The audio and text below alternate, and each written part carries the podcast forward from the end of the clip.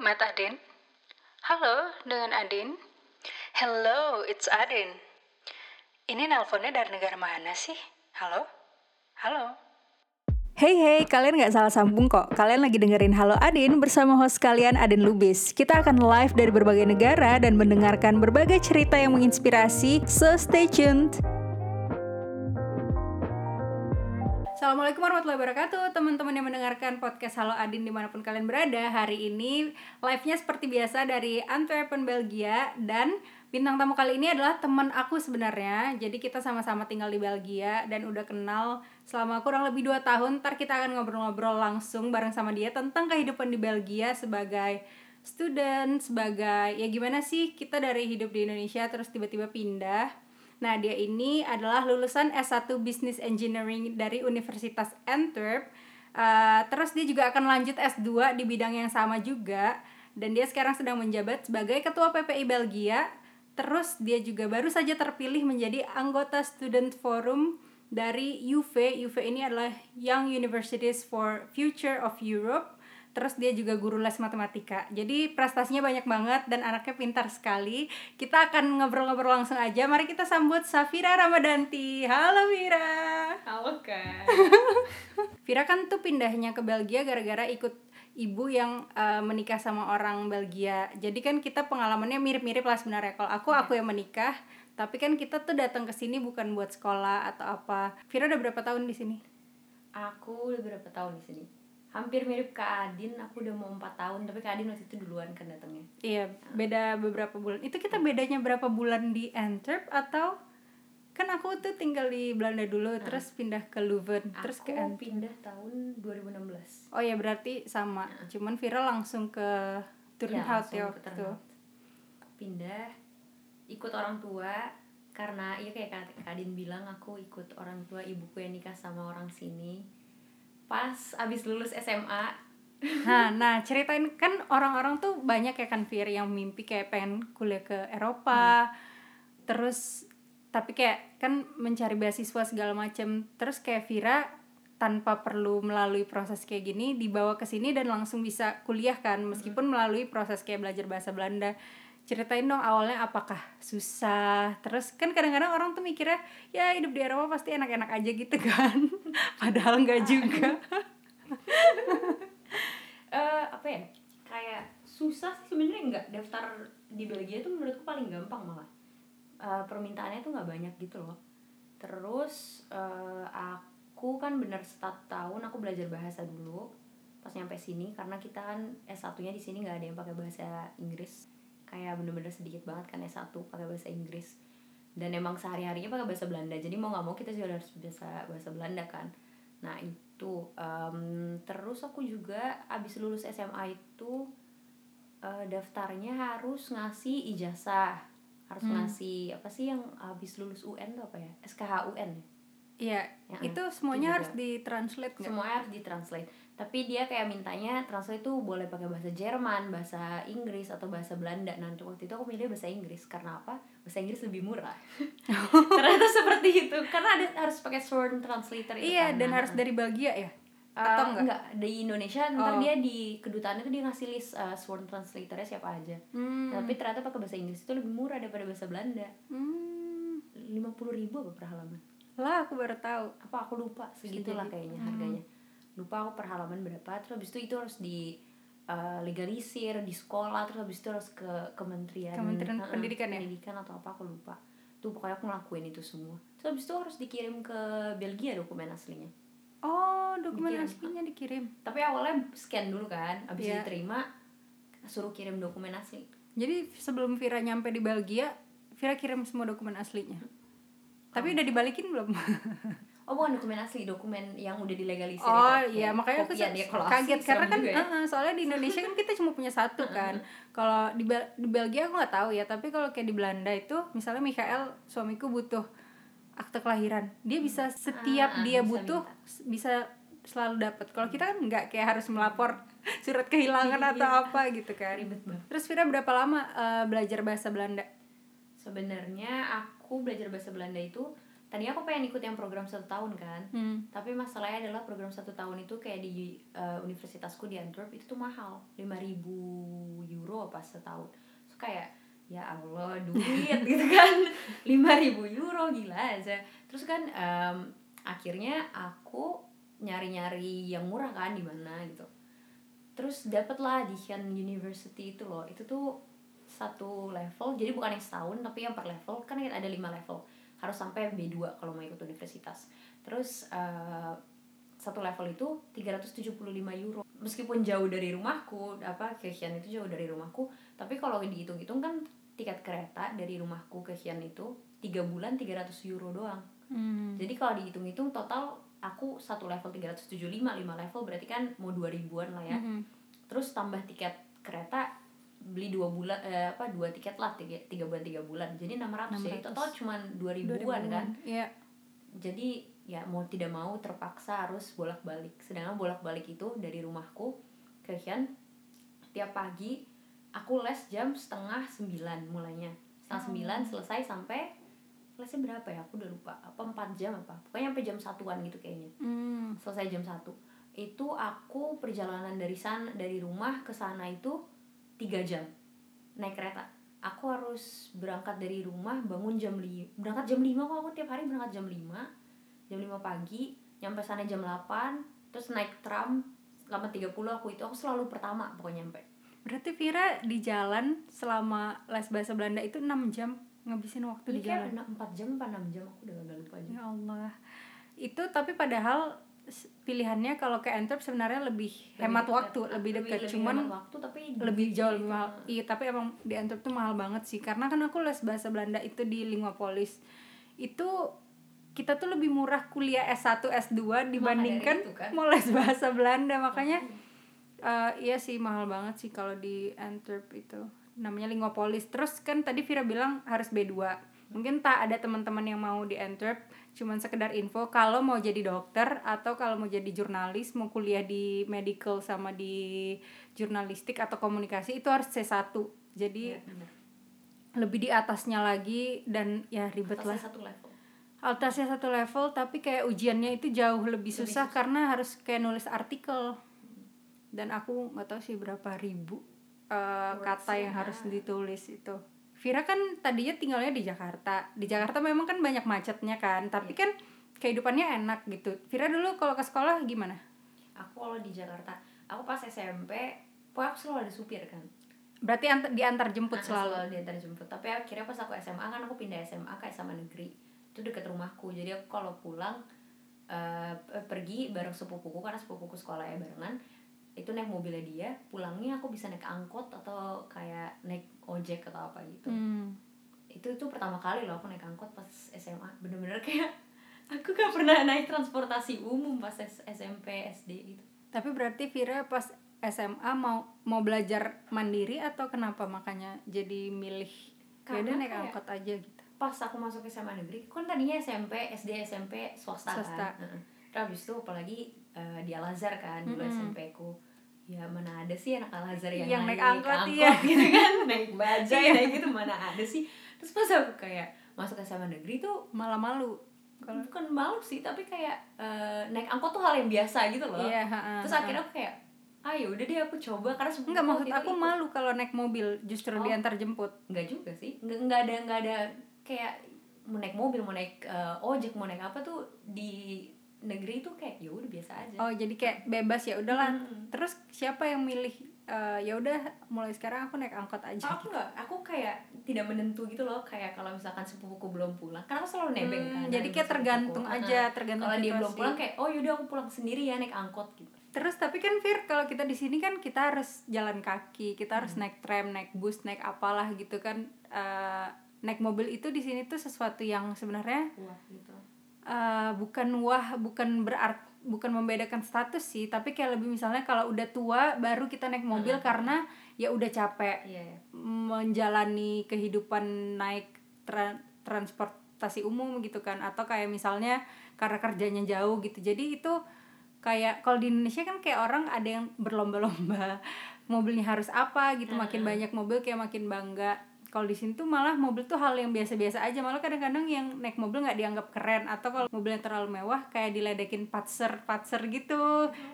Vira nggak patser jadi di um, Belanda Belgia itu dalam bahasa Belanda itu patser tuh artinya kayak orang yang kayak suka show off. Terus kayak dijudge ini jangan-jangan dia tuh dealing drugs atau oh my god iya. dan Suzon iya kalau misalnya Vira ngeliat dan banyaknya anak muda yang muka-muka muslim dalam tanda kutip ya misalnya kayak naik Mercedes. ras tertentu iya naik Mercedes atau dia kayak naik mobil eh, Hummer. Cuman eh, itu kalau orang naik mobil kayak gitu diledekin kayak ih patser karena di sini kan kecil ya jalanan terus Oh, kayak buat apa lo naik kayak gini? Itu tuh biasanya dipakai di buderai atau apa tapi ini mobil mewah gitu. Kalau Vira di sini tiba-tiba hidupnya jomplang ya bisa dibilang Hmm. jomplangnya itu bukan tanda negatif ya cuman kayak Beda jauh banget. uh-uh, kehidupan di Indonesia sama di Eropa itu cuman beda aja sih dan ini sebenarnya kehidupan normal. Cuman karena kita yang normal dulu di Indonesia yang yang serba enak gimana cara Vira dulu beradaptasi Hmm. atau menerima ini semua? Ya, gimana ya? Aku juga kayak nggak tahu aku suka lupa karena udah berapa tahun gitu ya. Hmm. Eh, tapi kan sekarang maksudnya Vira tetap kayak gitu? Apa Vira sekarang kayak udah terbiasa udah menerima atau? Oh, kalau menerima sih aku sudah menerima. Karena tiap hari aku harus naik bus. Apa?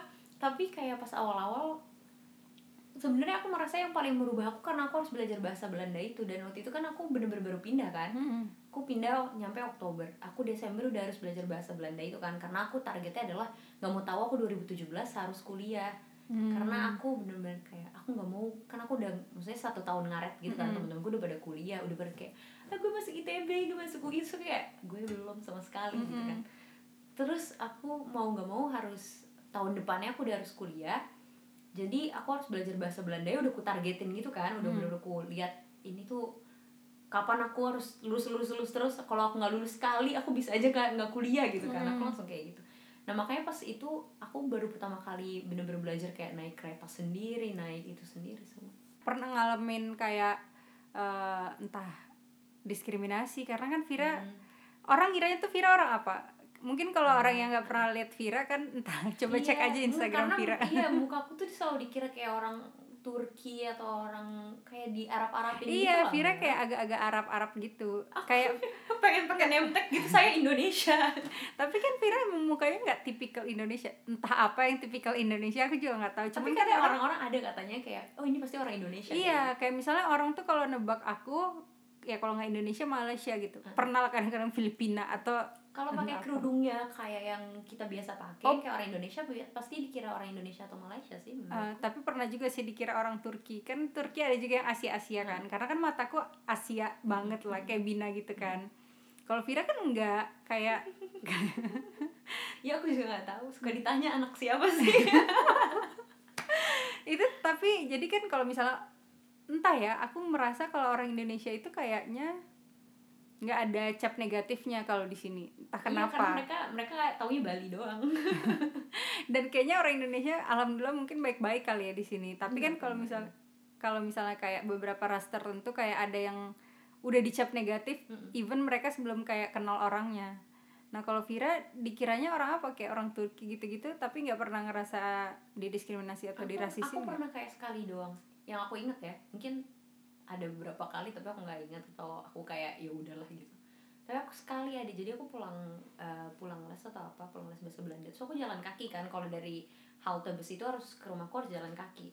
Terus aku jalan kaki tiba-tiba ada ibu-ibu lewat naik sepeda terus dia nunjuk-nunjuk kerudungku. Maksudnya aku suruh buka.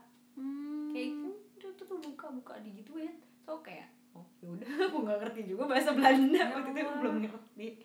Terus kayak kayak gitu. Itu sekali doang. Terus sih saya paling aku kayak kan kalau ketemu orang kata ibuku kan kamu kalau ini di sini senyum senyumin aja orang-orang Hmm. maksudnya gitu kan. Kayak so aku senyum senyumin kan? Tapi kalau mukanya jutek gitu berarti kayak oh berarti dia gak demen gitu. Kayak ya udah. Tapi kayak gitu gitu doang sih. Aku nggak pernah sih saya nggak pernah. Di dunia kerja Vira kan udah sering kerja kan selama dari awal tahun dari ya dari Universitas atau? 2017 sebelum aku mulai kuliah aku udah kerja. Itu aku pernah sih. Kayak aku kan daftar kerja banyak banget ya di banyak Mm-mm. tempat terus eh, pas interview aku suka ditanya kayak eh, kamu mau nggak tapi buka kerudung? Kayak gitu. Karena kita nggak boleh ya di sini gitu. Kalau kamu nggak mau ya nggak bisa kayak gitu kan. Pernah di Primark aku eh boleh nyebut merek kan? boleh. Boleh nyebut merek gak sih?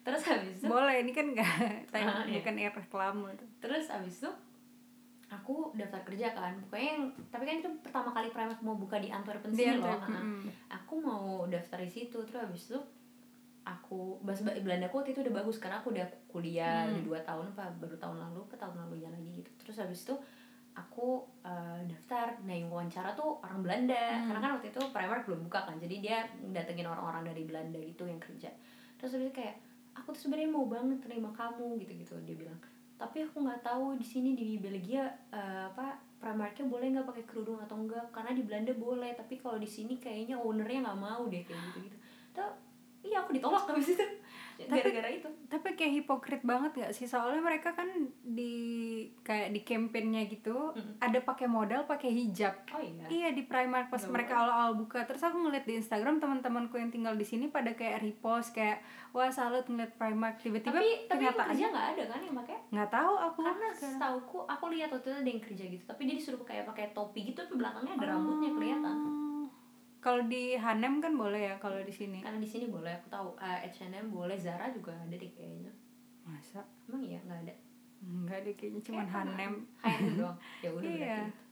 Eh, tapi mostly menurutku kalau di Antwerpen emang kayak lebih terbuka daripada di tempatku di desa gitu ya Tapi emang Belgia beda sih mentalitinya sama di Belanda. Kayak di Belanda di mana-mana ya boleh-boleh Santai aja aja, gitu. iya. Kecuali ya kalau ada orang yang rasis kali ya. Cuman maksudnya in general kayak fine-fine aja. tapi menurutku orang rasis ada di mana-mana ya ya itu Cuman- udah bener di Mm-mm. Indonesia juga ada. Emang tapi kayak di Belgia tuh mereka hukumnya mengimplementasikan rasismenya itu. Iya, udah iya sih. Dan karena kayak misalnya kayak toko-toko itu kan ya toko-toko doang gitu kan. Bukan ibaratnya gini misalnya kayak perusahaan gede kan kadang-kadang mungkin nanti ketemu klien takut nggak nggak uh, diterima. Hmm. Tapi kan kalau kayak di toko kayak apa sih Iya, kerjanya gitu kayak dibilangnya kayak kan paling kerja di kasir gitu, gitu kan. Mm. Dibilangnya uh, mostly uh, pelanggan tuh apa? Clanton client, uh, customer, uh, Customer-nya, pelanggan, pembeli. Pelanggan pelanggan pembeli Iya. dan itunya nggak suka katanya gitu. Ntar pelanggannya nggak mau beli atau apa. nggak mungkin lah semua orang tuh ke Primark karena Primark murah murah gitu kan terus kayak Tapi mostly alasan toko-toko kayak gitu, alasan-alasan standar aja yang kayak pelanggannya ntar nggak suka atau mereka aduh capek deh. Aku sering banget aku udah biasa banget ditolaknya kayak gitu udah tipe jadi berarti Vira sering ditolak? Kan maksudnya gini kalau aku ngelihatnya kayak Vira Vira kayaknya eh, gampang-gampang aja dapat kerja karena Vira selalu kerja kan kayak setiap Hmm. eh, Ya, zomer itu setiap pencariannya itu loh di dalamnya itu yang berarti banyak yang udah ditolak kayak ini kayak ditolak. sekarang aku nggak tahu ya kalau sekarang mungkin masalahnya corona dan semua orang juga banyak yang nyari Iya. kerja kayak udah lebih dari 15 atau apa ya aku daftar. serius? Iya sumpah aku yang diterima satu? aku tipe orang yang kayak udah tulis saya semua sen sen sen sen. Oh iya? So aku kayak nggak nggak diterima nggak diterima nggak diterima. Tapi pas Vira ngirim kayak sekali 15 gitu misalnya itu Vira ganti nggak eh, kalimatnya misalnya kayak oh di kan mereka biasanya cuma minta CV kan? Cuma minta CV oh. Aku sebenarnya pak kerjaan apa aja aku terima kayak bersih bersih itu kan. Kayak aku lebih memilih eh, pekerjaan yang nggak banyak ketemu orang. Karena ntar kalau ketemu orang bilangnya nggak boleh pelanggannya Hmm. nggak suka. Jadi kayak apa sih daftar eh, yang bersih bersih lah atau administrasi administrasi. Kan aku tahun lalu juga yang administrasi gitu kan. Iya terus alhamdulillah yang dapat ini satu.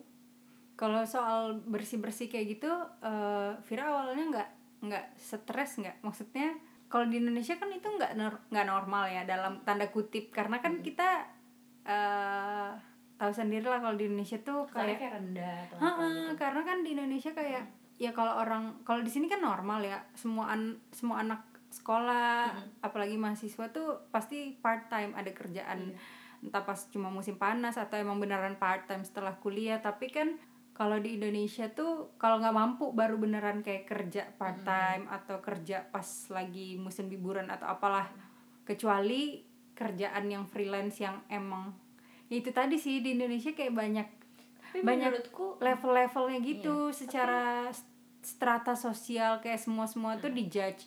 Vira tuh eh, kar- apakah karena lulus SMA langsung ke sini terus nggak kepikiran soal sosial Oh, gap di Indonesia itu. ini, Hmm. heeh.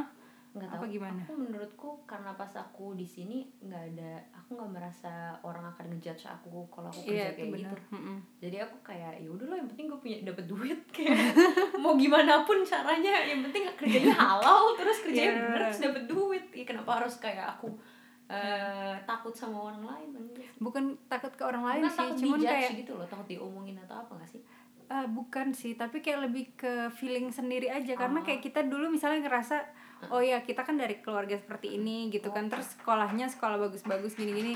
Terus kenapa sekarang aku harus ngerjain kerjaan yang kayak gini? Kenapa nggak kerjaan yang pakai otak? Ibaratnya itu kan kerjaan yang pakai tangan kan. Tapi kalau ibu Vira juga nggak ada kayak eh, misalnya dek kalau pilih kerjaan jangan yang ini ini ini ini Oh. misalnya kayak gitu nggak ada. Enggak enggak aku kayak dibebaskan gitu loh. Yang penting kerjaannya nggak aneh-aneh dan kayak eh, bukan yang menyusahkan aku banget juga yang kayak disuruh aneh-aneh apa tuh.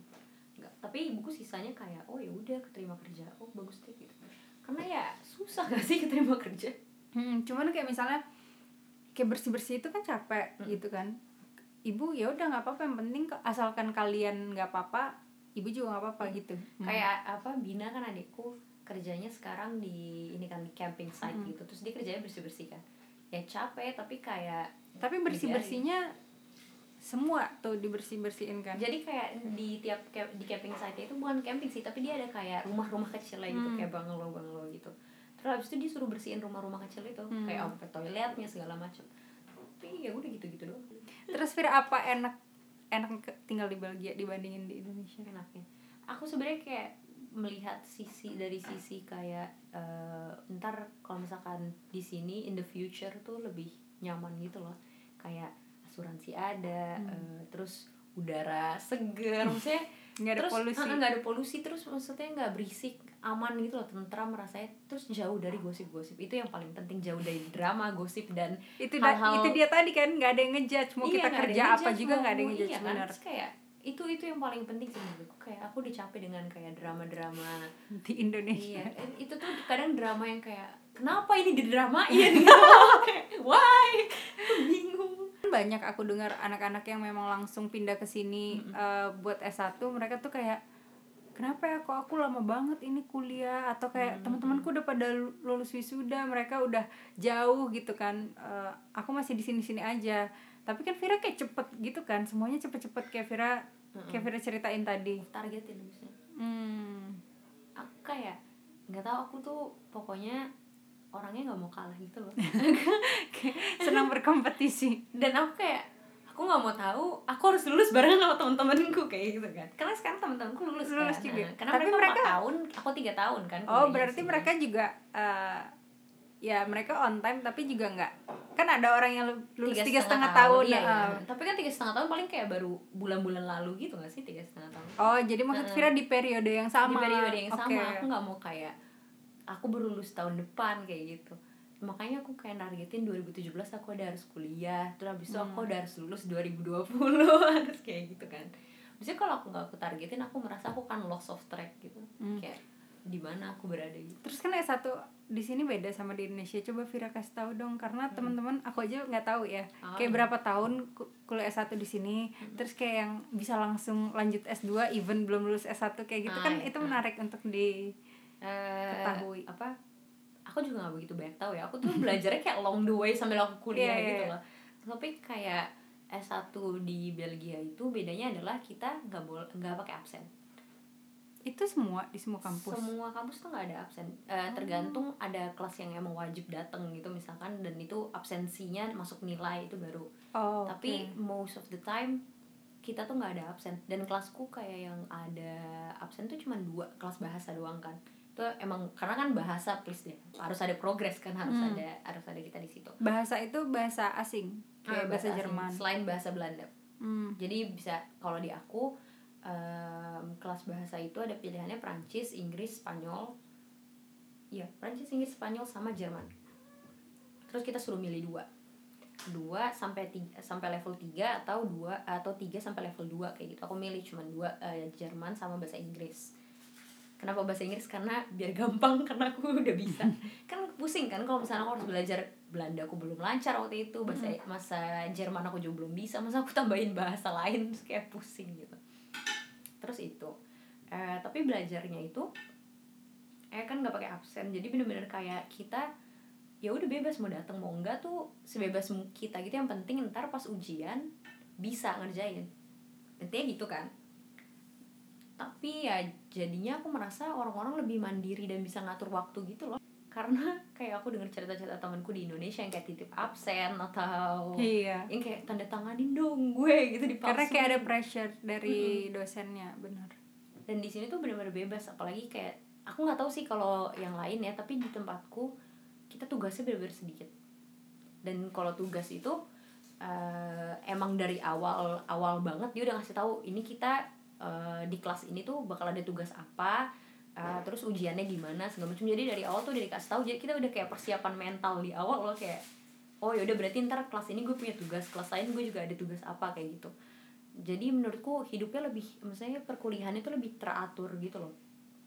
Terus apa lagi sih? Berapa tahun? Tiga tahun. Enak banget ya. Kayaknya Kuliah mendengar kayak mendengarnya tuh kayak enak gitu kayak Nah, minim tugas terus cepet selesai kan masalahnya ya struggle sendiri aja maksudnya Iya sih. kan eh, satu-satunya penilaian kalau nggak ya tugas itu tuh paling ngambil nilainya dari 20 tuh paling cuman kayak 4 atau 5 gitu kan 15 nya misalnya ujian gitu tahun. hmm, mm, mm. jadi terus nggak nggak bisa kayak cuma ngerjain tugas itu karena harus lulus ujian Hmm. juga terus em, intinya ujiannya itu kan cuman ada ujian akhir jadi kalau kalau di Indonesia kan ada apa sih namanya? UTS. UTS Nah, kalau mereka kan UT- UTS campur ujian akhir segala macam ntar jadi satu nilai kan. Kalau di sini kan penentuannya cuman ujian akhir Iya. itu sama tugas. Kita tugas aja kayak ada yang kadang diwajibin ada yang enggak. Jadi kayak itu cuma nilai tambahan atau misalkan itu wajib kalau lo nggak ngerjain itu nggak boleh ikut ujian kayak gitu misalkan. Terus, tapi itu enak sih. Kalau aku di S2 pas di Belgia itu ada uji eh, tugas yang mm, kita kerjain tapi itu tidak dikasih feedback dan nggak di nggak menambah eh, nilai kita juga untuk eh, hasil akhir ujian nanti jadi terus kayak nggak ada dia bilang kayak itu buat eh, Latihan. latihan kita doang Hmm. tapi itu itu beneran kayak nulis apaan aja tiap tiap minggu terus kita disuruh bikin kayak merasakan esensinya gitu kak enggak semua student eh, aku rasa aku pada mendingan dikasih nilai. Dan dia nggak ngasih feedback tau Fir Nah, itu jadi dia kayak gini jadi kita tuh kayak satu kelas kan temanya sama tapi kan orang-orang tuh sur- eh, punya ide yang beda-beda Iya, dong. cara nulisnya. Ah, cara nulisnya beda tapi jadi di kelas itu kita dibikinin grup. Hmm. bikin grupnya tuh random kayak ini berlima berlima berlima. Jadi siapa yang duduk deket-deket tuh kayak berlima Tiba-tiba berlima jadi grup, jadi grup terus kita suruh bahas apa yang kita tulis terus nanti kita suruh ngomongin soal uh, takeaways uh, key takeaways yang udah kita tulis Ah, ah. terus dia nggak ngejelasin apa-apa jadi kita kayak diskusi sesama student Iya. terus nggak ada feedbacknya itu aku kayak ngerasa aduh buang-buang waktu banget sih ke kelas si prof ini dan tiap hari orang-orang tuh begadang sampai jam 3 ngerjain kerjaan ini tapi nggak, karena kan makanya- banyak tugas yang lain juga Iya, kan makanya. S2 tuh demanding banget apalagi setahun kan terus tapi bisa langsung lanjut S2 kan yang kayak Vira Hmm. bilang even belum lulus itu maksudnya gimana Jadi kalau di sini kan kayak eh, di Belgia itu S1-nya sebenarnya persiapan untuk S2 gitu loh. Jadi kita habis lulus S1 tuh di sini nggak ada yang kerja, nggak ada yang langsung kerja kayak habis lulus langsung kerja gitu nggak ada. Kita eh, S1 itu tujuannya adalah untuk S2, Lanjut S2. kayak gitu. Hmm. Jadi persiapan itu bener-bener kayak praktek sedikit, terus kan nggak ada yang kayak kalau di Indonesia kan ada internship dulu pas bachelor Hmm, segala hmm, macam. hmm. Di sini tuh kita S1 enggak bener-bener kayak cuma tiga tahun kali ya kayak anak SMA banget rasanya kayak ya udah belajar lagi belajar dari buku praktek praktek paling kayak di lab lab yang kayak SMA gitu kan Mm-mm. terus itu terus em, kalau misalkan kayak eh, jadi lulusnya tuh kan kita ada remedial tuh misalkan ujian kita nggak lulus yang di akhir itu terus kita bisa remedial Septembernya itu misalkan. Eh Agustus kita eh remedial ya segitu lah, Agustus biasanya sampai karena September, September, awal. hmm. kita remedial. Misalkan di remedial itu nggak lulus lagi. Misalnya aku udah tahun ketiga terus aku nggak lulus eh, satu pelajaran misalkan. Nah pelajaran itu bisa aku bawa ke master. Jadi aku combine masterku sama pelajaran yang Yang bachelor. Remedial. jadi Hmm. jadi uh, in a way aku sebenarnya belum lulus bachelor tapi Iya. Aku sambil Udah master S2, udah iya. S2 kayak gitu di sini tuh banyak banget yang Tapi kayak gitu. harus di kampus yang sama. iya Hmm. iya deh kayaknya aku nggak nggak pernah tahu nggak pernah mendengar case orang kayak dia Kampus pindah yang beda. kampus yang beda gitu karena kayak Ya udah enak juga gitu kan tinggal lanjut. tinggal lanjut kayak tinggal naik kelas gitu Iya bener ya Enak banget sih itu Terus Fir Kasih tahu cara nulis skripsi S1 Karena kan kalau di Nah. Indonesia kan Itu beneran skripsi-skripsi. Di Orang-orang pada stres ah. tuh nulis skripsi. Sumpah aku ngerjain ini santai banget. Terus aku kayak kemarin aku ngechat gitu kan Eh gue udah lulus loh gitu ya. Karena temen-temen kan pada gitu. kayak Aduh eh gue sidang nih eh, minggu depan gitu, Kan gitu kan Kayak banget ntar bawain gue bunga ya ini ini ini. Terus kan aku di grup di grupku tuh cewek-cewek bertujuh gitu mereka udah udah pada lulus lulus besok ada yang eh, minggu depan ada yang mau sidang gitu. Terus aku tiba-tiba ngechat aja kayak eh gue udah lulus loh kayak "Hah, sejak kapan lo nulis nulis skripsinya kapan? Kok gue tidak mendengar lo ada stres stres gitu? Karena kayak eh, kayaknya beda-beda tiap jurusan deh. Aku tahu temanku ada jurusan lain dia ngerjainnya tuh tugas akhirnya kayak eh, dia arsitek kan. Jadi tugas akhirnya yang bikin Menggambar, model eh, itu apa rumah atau apa yang kayak Mm-mm. gitu. Sedangkan aku tugas akhirnya itu cuma nulis paper doang. Dan nulis papernya itu bertiga. Ber, Bergrup ya Nah, Allah. per grup gitu. Dan aku bertiga dan aku sangat bersyukur aku nemuin orang yang emang enak diajak ngerjain gitu loh. Karena kayak ada temenku ceritanya sampai berantem sama temennya. Dan itu sama mereka temen deket sekarang mereka nggak ngomong lagi kayak gitu loh. Tapi emang lebih bagus jangan sama orang yang kita kenal sih. Aku mendingan kayak temen-temen biasa aja Iya, nggak usah nggak usah kayak- deket gitu. Tapi at least dia tahu ada batasnya harus profesional Iya, atau gimana. benar. nah itu kayak gitu kan. Aku sangat bersyukur makanya ketemu dengan mereka gitu. Terus Nah, nggak ada sidang, nggak ada di tes, Nggak. presentasi? Ke presentasi ada. Oh, tapi kan kita waktu itu corona kan jadi presentasinya online kan. Presentasinya online nggak perlu ngasih lihat kamera jadi muka kita nggak ada aku baca teks dong pakai bahasa Belanda lagi kan aduh kayak takut lupa gitu loh ngomong apa Nah, itu dia Fir kuliah pakai bahasa Belanda. Bahasa Belanda tuh udah susah. Mungkin orang yang belajar bahasa Jerman tahu, tapi ini kayak bahasa Belanda di bawah Di bawah level Jerman bahasa dikit. Jerman dikit aja. bawa Jerman dikit Gimana ceritanya Vira bisa lulus lulus terus? Karena orang pasti banyak orang yang pasti akan excuse kayak ya namanya juga ini bahasa asing gitu. Karena memang kan nggak bisa dibilang excuse juga sih. Mungkin kan ada orang yang nggak ba- Heeh. nggak bagus di bahasa atau apa gitu. Cuman Vira tipsnya itu apa sampai bisa lulus-lulus terus selain yang kayak Vira bilang, "Iya, aku tuh orangnya deadline, aku tuh kompetitor sejati." aku nggak mau kalah sama orang Hmm, Cara belajarnya atau uh, apa yang apa motivasi Vira gitu. Yang mendorong Vira tuh apa gitu. yang mendorongku ya itu Untuk- aku nggak mau kalah. nggak mau kalah. Itu doang. Nggak mau kalah dari siapa? Dari teman-teman segrup yang Vira bilang? Bukan aku kayak dari- in general gitu loh. Aku kayak melihat seangkatanku itu aku kayak aku harus nomor satu gitu. Aku nggak aku orangnya bukan mau jadi nomor satu karena aku juga nggak sepintar itu ya. Ah. tapi aku at least kayak kalau orang lagi ngerjain aku juga aku juga harus bisa. Aku nggak mau kalah sama Hmm. yang lain kayak gitu loh. Terus habis itu kayak kenapa aku lulus lulus mulu ya? Aku nggak tahu aku merasa kalau di Indonesia itu orangnya lebih kompetitif daripada di sini masa di sini tuh orangnya santai loh menurut saya kayak bukannya mereka di sini study hard play hard Iya itu mereka hebat itu. Uh-uh. Aku aku cuma study hard doang aku aku nggak pakai playnya. rumahan. Anak rumahan. Eh, tapi kayak eh, gimana ya? Aku merasa di Indonesia itu mereka orang-orangnya karena kita diajarin kayak nilai harus bagus segala macam harus bagus.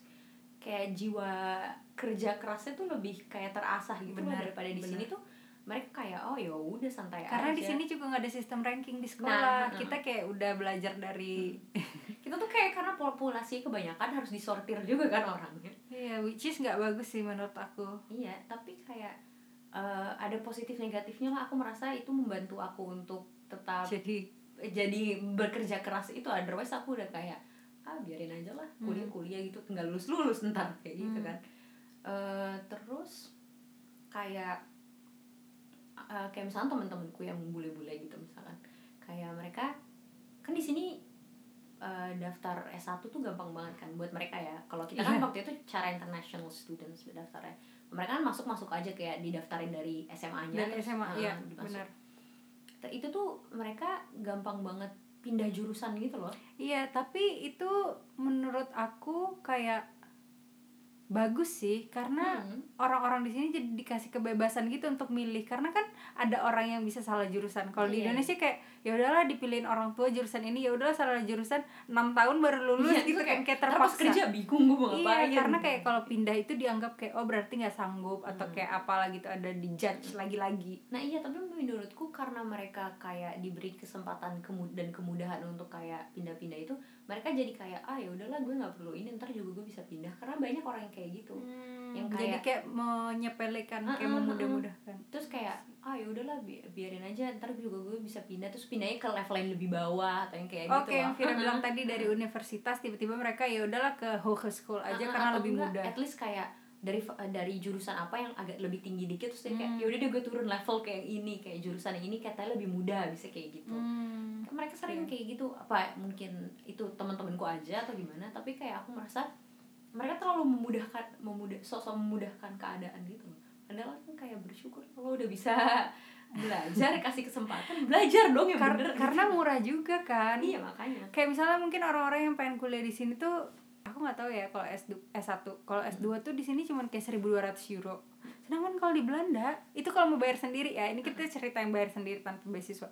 Itu 12.000 euro paling murah, sekitaran gitu di Belanda. Kalau mau ke Inggris segitu juga kayak 10.000 pound sterling gitu-gitu. Jadi kayak Belgia tuh murah Aku banget sebenarnya. Sebenarnya aku nggak tahu sih apa karena aku eh, apa kartunya kayak orang orang tuaku orang sini Iya.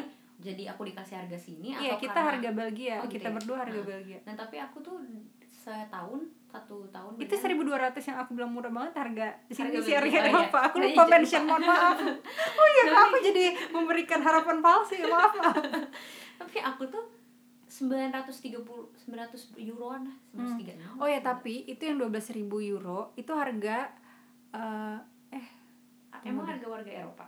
Kayaknya harga warga Eropa juga segituan kayak lima Enggak, ribuan kali ya. ah ya kayaknya setengah dari itu enam ribuan. Jadi tetap lebih mahal di Belanda Iya, gitu. makanya orang Belanda banyak yang ke sini juga. iya banyak yang ke sini. Karena kayak ya udah sama aja ya nggak sama-sama banget tapi ya kualitasnya mirip-mirip. Heeh, kayak 11 12 lah gitu. Makanya. Cuman sistem kuliahnya beda banget. Kalau di sini kan satu semester kayak cuman tiga bulan which is sangat eh singkat. tiga bulan ya? Ya iyalah Ya, Fit kita kan dari September sampai Januari. Iya kan kita dikasih tiga bulan kayak katanya ya uh, winter uh, vakansi summer vakansi. Padahal di periode itu kita disuruh belajar. Iya itu bohong. Itu, adalah summer. pembohongan. kecuali kita nggak ada eh, remedial. Iya, Itu kecuali. sebebas mungkin tuh tiga bulan liburan. Tapi kan uh, kita harus persiapan untuk ke ujian selanjutnya nggak sih? Hmm, kalau misalkan eh, tunggu September sampai Januari itu kan winter semester ya winter semester kan itu. Februari kita langsung ujian. Januarinya aku ujian jadi Iya pas kan, Desember Januari, pas Februari. Desember Natal itu aku belajar. Iya nah itu dia maksud aku. Terus habis itu cuman kan kayak misalnya orang yang S2 nih cuman setahun tiga bulan dikasih itu tiga bulan beneran buat belajar Iya. semua. Tapi kan habis yang pas Juni itu kita liburan summer. Ujian lagi kan September? Enggak iya. Itu untuk remedial kalau ada remedial.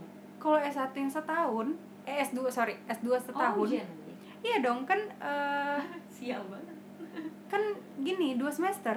Iya kan tapi Jadi- Januari sama Juni ujian oh iya karena kan abis itu iya benar Januari sama Januari sama Juni. Juni. tapi kan kita abis itu ada ini sidang sidang Ah, tesis itu dia iya, maksud tapi aku. sidangnya tuh bisa pilih kan iya bisa milih. Cuman maksudnya iya tapi persiapan ah tetap nggak ada. Jadi kayak beneran makanya aku pernah dengar juga dari temenku yang kuliah satu tahun Hmm. jurusan S2 itu beneran nggak ada libur. Karena setahun itu beneran kayak iya ujian mulu sekolah mulu tuh. Iya tapi makanya aku merasa hebat sama orang-orang Indonesia yang kayak cuma datang setahun ke luar negeri terus habis itu bisa jalan-jalan tetap sama belajarnya juga Iya. tetap gitu loh kayak wow. terus pulang. Tapi dia karena memang dia nggak ada tanggung jawab lain kan selain memang cuman itu doang Kalau aku mah ya jarang keluar rumah.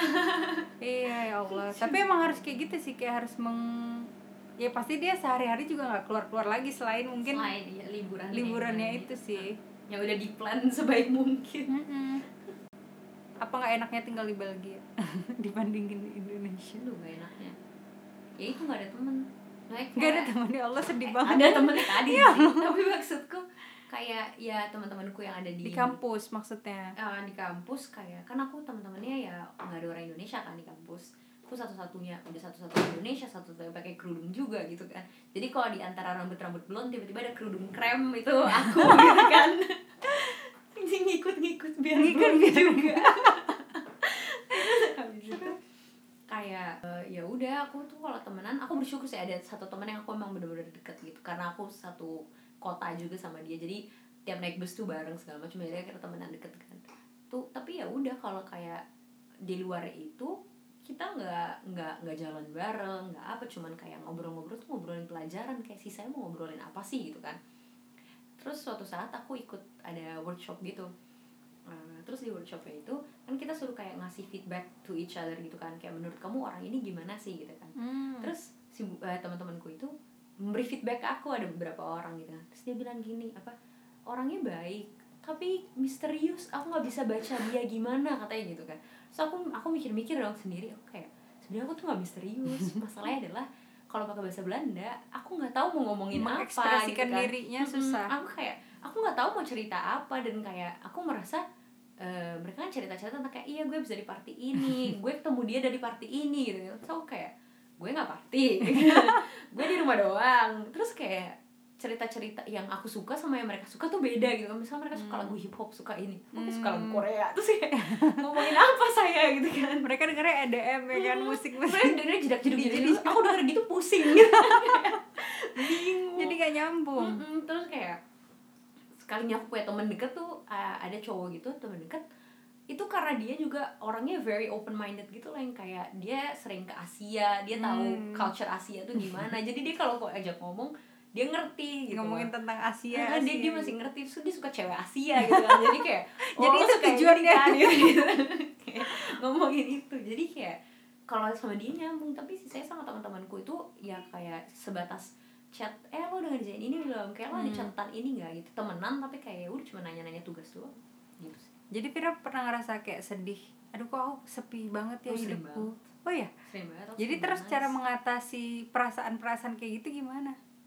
Supaya bisa tetap semangat kuliah ya? Kadang-kadang kan ada orang yang kayak kok aku kuliah tapi kok ya tahu sih tujuan kuliah kan pasti buat sekolah ya. Tapi kan namanya manusia pasti kayak butuh social life juga kayak at least di kelas tuh punya teman kalau cuman kayak belajar-belajar aja kayak kok hidupku kayak nggak berarti? Gitu kan ada pemikiran-pemikiran kayak iya aku gitu. aku kayak Pernah gitu. mikir gitu Pernah, juga? pernah aku kayak terus jadi kok, kok ngatasinnya gue gak punya temen sih? Kayak gitu kan. Eh, tapi aku tuh awalnya pas first year aku tuh punya teman pas first year itu. Jadi kayak ada yang pakai kerudung tuh bertiga. Kita pakai kerudung bertiga. Hmm. awal masih tiga tuh pas first year. Eh, semester pertama. Terus habis itu selain bertiga ini ada yang bukan orang Belgia asli juga. Ada beberapa. Ada kita tuh berempat yang bukan orang Belgia di jurusanku itu berempat. Terus habis itu akhirnya yang berempat ini kita langsung temenan lah gitu kan. Terus yang pakai kerudung itu aku juga langsung temenan sama mereka.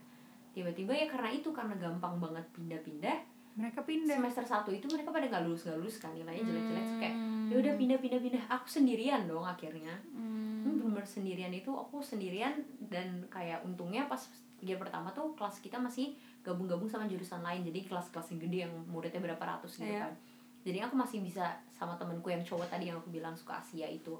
Terus itu aku masih punya temen. Tapi tiba-tiba pas eh, year kedua kan pindah lagi ya pecah lagi itu kelas-kelas makin kecil. Itu tuh aku nggak punya temen.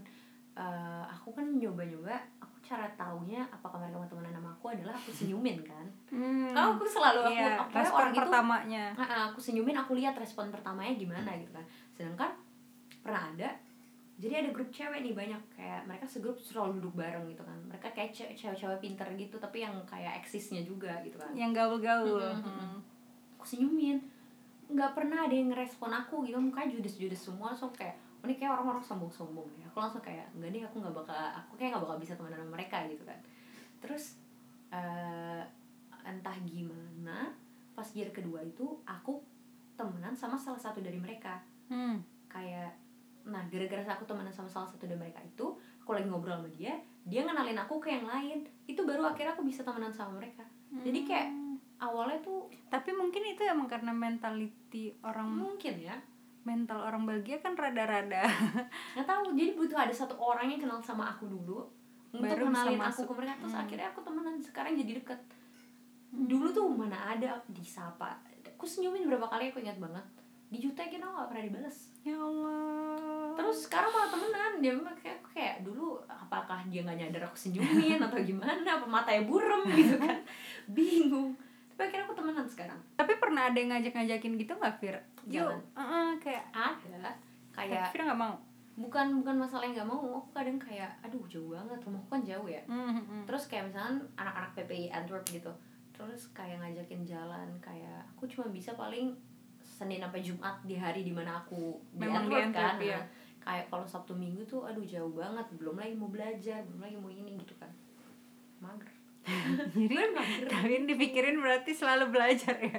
iya aku suka aku selalu ada ada kayak di otakku tuh selalu belajar Berarti emang suka belajar. aku nggak suka belajar tapi belajar itu maksudnya kayak hal yang dibutuhkan tapi aku nggak suka sama kan sambil belajar kayak ya ngapain sih belajar gitu kan Tapi tetap belajar ya, bro Bro. iya sambil belajar Oke. eh itu aja sih kayaknya ada pesan-pesan yang mau Fira sampaikan nggak ke orang-orang yang dengar? Maksudnya tentang dosan apa? Nah, kayak eh, kayak hidup di Belgia itu seperti apa? Terus kan kadang orang kayak kamuflase sosial media wah enak banget hidup iya di luar negeri kayak, enak ya. kayak maksudnya apa pun yang kan aku- kita nggak mungkin pas nangis nangis Iya, kita kita nah. post kan aduh tolong ini bahasa- susah banget bahasa masalahnya kayak eh, aku kalau di sosial media mungkin kan aku terlihat kayak kata-kata orang aku terlihat bahagia gitu gitu kan padahal Fira aja ngepost jarang. Ngepost aku jarang Gimana sekalinya mereka- aku ngepost ya aku yang bahagia lah dan gitu gimana kan. mereka ngejudge nya ya? Iya ngepostnya aku jarang. bingung. Aku ngepost jarang Aku ngepost kalau misalnya bahagia doang ya Masa aku sedih ku post gitu kan? Hmm. Aku bukan tipe orang karena yang kayak kalau ngepost Oh I'm sad kode-kode gitu kan kayak. Atau jangan-jangan pas nyanyi sebenarnya itu lagi set Enggak juga sih. Oh, enggak juga. sambil nangis-nangis sih Kayak Itu itu mencari perhatian biar Oh. di chat. Tapi aku kayak eh Iya aku sering kayak sedih Nangis Kayak merasa super stres segala macam. Tapi aku nggak bakal nge-share itu ke orang lain lah. Maksudnya kayak aku cerita-cerita ke orang tertentu doang bukan kayak berarti aku harus let the whole world see aku sedih gitu kan enggak. Jadi bukan berarti kayak hidup di Eropa tuh selalu enak atau apa ada struggle-nya lah. Struggle-nya apa aja selain bahasa sama kayak susah punya teman atau nggak ada teman ada lah teman menurutku juga keep eh, ini sih agama. Kayak tetap menjalankan agama kita sebagaimana mungkin gitu. Mungkin aku ada perubahan juga ya dari gayaku atau apa maksudnya. Eh, tapi kayak sholat segala macam menurutku itu agak harus di keep on track gitu loh gimana sih kata pokoknya itu jadi penolong lah berarti ah, ah, ah. dan men- aku aku menurutku karena kan emang iya carilah pertolongan dalam sholat dan sabar Iya. kata kata Allah. ya kayak ngapain sih cerita-cerita ke orang di Instagram kayak ada yang bakal bantuin aja iya gitu benar kan. benar benar benar benar kayak ya ngapain mending cerita ke Allah bisa langsung dibantuin iya benar kan. benar ngapain terus kayak eh, aku merasa juga kayak pakai kerudung itu eh, membantu aku kayak ngekip diriku untuk tidak menjadi anak yang wild dan party party atau apa. Misalnya party party aku nggak menyalahkan orang party party itu biasa aja. Maksudnya asal tidak menyeleweng dari apa yang agama kalian bilang ya maksudku. Mhm. aku merasa kayak aku di eh, kerudung itu kayak ngekip aku dari hal-hal yang tidak seharusnya aku lakukan sih menurutku. Satu pertanyaan terakhir gara-gara Ah. kerudung. Kan Vira aku nggak tahu ya Vira merubah gayanya total sama sekali atau Hmm. ka- kalau menurut aku sih Vira kayak ya kadang-kadang masih nutup semua kadang-kadang turban kadang-kadang kayak Ya, tergantung semauku aja, iya semau Vira aja itu menurut aku kan. Nah kenapa Vira pakai turban itu? Apakah gara-gara fashion? Apakah gara-gara kayak ada pressure uh, ini lebih mudah diterima orang? Karena kan kadang-kadang Hmm. mungkin orang orang di Indonesia aku bingungnya orang Indonesia misalnya kayak pakai turban padahal pakai yang biasa aja diterima gitu kan terus juga eh, kadang-kadang kayak cuman ngikutin fashion. Sedangkan kalau Vira kan udah pakai hijab dari sekolah dulu kan? Dari aku SMA ya nah, dari SMA itu gara-gara apa? Karena kan orang-orang nggak tahu kadang-kadang struggle di sini itu seperti apa sampai orang akhirnya berubah. Misalnya tadinya kerudungnya juga panjang jadi di agak dipendekin. Karena memang ada hal-hal yang eh, apa ya kayak itu memang harus dirubah karena itu lebih bikin nyaman dan kayak misalnya kayak aku lah kayak aku dulu panjang-panjang harus rok apa segala macam sekarang aku ru- rubah karena pakai sepeda nyangkut-nyangkut kecelakaan. Terus juga kayak kadang-kadang kayak nggak cocok aja gitu misalnya pakai celana pak pakai celana tiba-tiba eh, kerudungnya disyariin kayak syari yang lebar banget gitu kayak jadi kok kayak maksa ya kayak gitu gitulah pokoknya kalau Vira Aku- sendiri kayaknya aku ada kayak 50-50 deh kayak ada unsur fashion emang karena aku suka fashion Karena- gitu ha. Vira merasa itu cantik gitu Ah, aku Mm-mm. merasa kayak wah gaya keren gitu Mm-mm. tapi ada kayak juga aku merasa eh, kalau aku pakai kayak gini aku dilihatnya lebih beda gitu loh daripada aku pakai kerudung tertutup nggak? Kayak karena kayak kayak lebih eh, diterima atau apa kayak untuk beda? kerja segala macam gitu loh Hmm. kayak aku Kayak merasa lebih lebih, acceptable. mudah lebih Oke, bagi iya. mereka itu lebih acceptable gitu loh karena karena kan yang pakai kayak gini kayak pakai turban itu bukan cuma orang pakai kerudung kan yang kayak pakai turban kayak misalnya orang-orang dari Afrika gitu kan mereka yang pakai Mm-mm. menutupi rambut mereka gaya-gaya gitu kan ada juga yang sakit pakai turban kayak gitu karena aku pernah kayak ma- mau kerja di uh, Delhaize gitu Terus dia nanya ini kamu pakai ini karena kamu Karena sakit apa? atau apa? karena karena yang punya itu Serius? dia sakit terus dia pakai nutupin gitu kan. Jadi kayak pakai turban gitu. Tapi ternyata dia tuh karena emang gak ada rambut aja dia pakai kayak gitu. Jadi kayak dia nanyain kamu sakit atau apa? Kayak gitu kan. Kayak jadi setengah-setengah unsur kayak eh, aku merasa lebih jadi orang-orang kayak lebih pro, nge-approach aku gitu loh. Kayak lebih gampang di approach Mm-mm. dan kayak emang aku suka aja kayaknya sih. Hmm, oke oke menarik alasannya. Karena aku juga baru tahu tuh ternyata orang melihat itu Iya beda. dan aku merasa emang kayak orang tuh melihat itu beda. Cuman aku ini sih maksudnya salut. Karena Vira mempertahankan hijabnya kan dan sebenarnya menurut aku gaya Vira tetap sama. Yang beda cuman beneran literally apa yang ada di kepala Vira doang. Ah, karena kalau orang-orang yang di sini yang kita lihat kan entah mereka dari negara mana gitu kan mereka itu pakai turban tapi kayak beneran turban itu entah cuma fashion entah hijab lagi entah enggak kita udah nggak tahu.